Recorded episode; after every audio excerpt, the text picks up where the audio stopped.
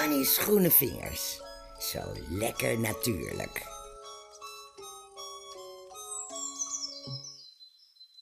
Ik was laatst bij een goede vriendin in het noorden van het land. En die heeft een tuin. Leuk voor haar natuurlijk. Maar wat ook leuk is, is dat ze heel gul is met het geven van planten. En voordat ik het wist, stond mijn halve auto vol met stekjes. Uitgegraven varens en wilde marjolein. Beter bekend als oregano. Thuisgekomen ben ik meteen een stapelmuurtje gaan maken, heb er aarde in gegooid en heb de wilde marjolein een nieuwe zonnige plek gegeven.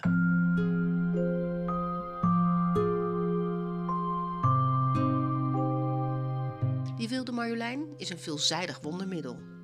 Het is eigenlijk een kruid wat van alle markten thuis is. Het is lekker in de keuken, heel geneeskrachtig en ook nog eens spiritueel.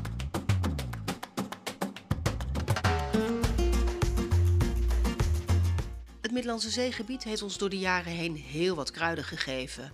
En de een is wat populairder dan de ander. Maar waar het uiteindelijk altijd op neerkwam, is dat wij Noorderlingen het wisten te adopteren en te gebruiken in onze eigen keuken of in onze eigen geneeskunde. Nou, dat gaat al eeuwen zo. En je zou kunnen zeggen dat kruiden die vroeger tot een bepaald gebied behoorden, tegenwoordig deel uitmaken van heel Europa. Want zeg nou eens eerlijk, wie kijkt er nog op van oregano in de Nederlandse keuken?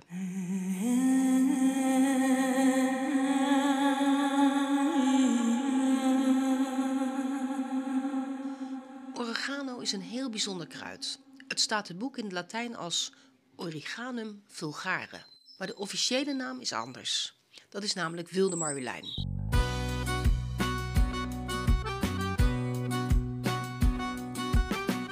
Origanum vulgare is afgeleid van het Griekse oros. Dat betekent berg. En ganos is vreugde. Dat moest ik natuurlijk even opzoeken, want dat weet ik niet van mezelf. In de oudheid werd het kruid door Afrodite verheven tot vredesymbool. Er werden bruidskronen van gevlochten om liefde en respect te symboliseren. En Romeinen die schonken elkaar bosjes oregano als teken van vriendschap. De wilde marjolein of oregano die komt voor op droge en matig voedselrijke grond. En dan vooral op dijkhellingen en kalkgronden. De hoeveelheid zon heeft veel invloed op de smaak van de plant. De plant wordt ongeveer 30 tot 60 centimeter hoog en heeft een behoorde, rechtopstaande stengel. Je kunt de zijtakken herkennen omdat ze iets wat roodachtig aangelopen zijn. Bij de Egyptenaren was het kruid gewijd aan Osiris en werd op graven geplant om spiritueel vrede te geven. Vroeger werd marjolein in de stal op de grond gegooid om dieren tegen duivelse invloeden en ziektes te beschermen. Wie marjolein slechts even aanraakte, verdreef allerlei betoverde wezens. Het duivelsgespuis dat door Marjolein verjaagd werd, dat waren onder meer mieren en slangen.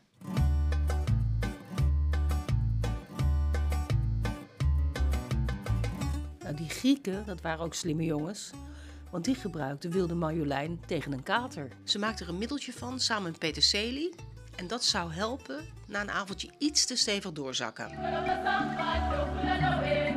De wilde marjolein is goed voor het zenuwstelsel en het is een natuurlijke antidepressiva. Verder is het goed tegen stress, angst, hoge bloeddruk, duizeligheid, slapeloosheid, migraine en verdriet. De wilde marjolein heeft een pijnstillende werking bij zenuwpijn en reumatische pijnen.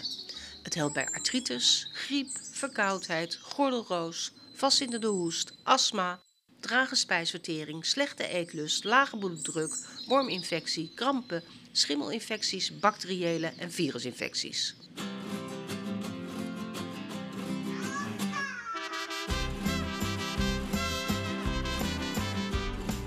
In Mexico komt het kruid ook veel voor. En is het naast chilipoeder zelfs een van de hoofdbestanddelen van de chili con carne kruiden. Ja, je voelt het misschien al aankomen, maar de wilde marjolein is zeer gevoelig voor vorst. Omdat de plant natuurlijk van oorsprong in warmere orde voorkwam en dus in Nederland nogal eens gevaar loopt om zomaar van zijn stokje te gaan. Veel water heeft niet nodig. De plant staat het liefst op een droogje. Lekker verwaarlozen dus. Nou, ik ga jullie zeker niet verwaarlozen. Tot de volgende week.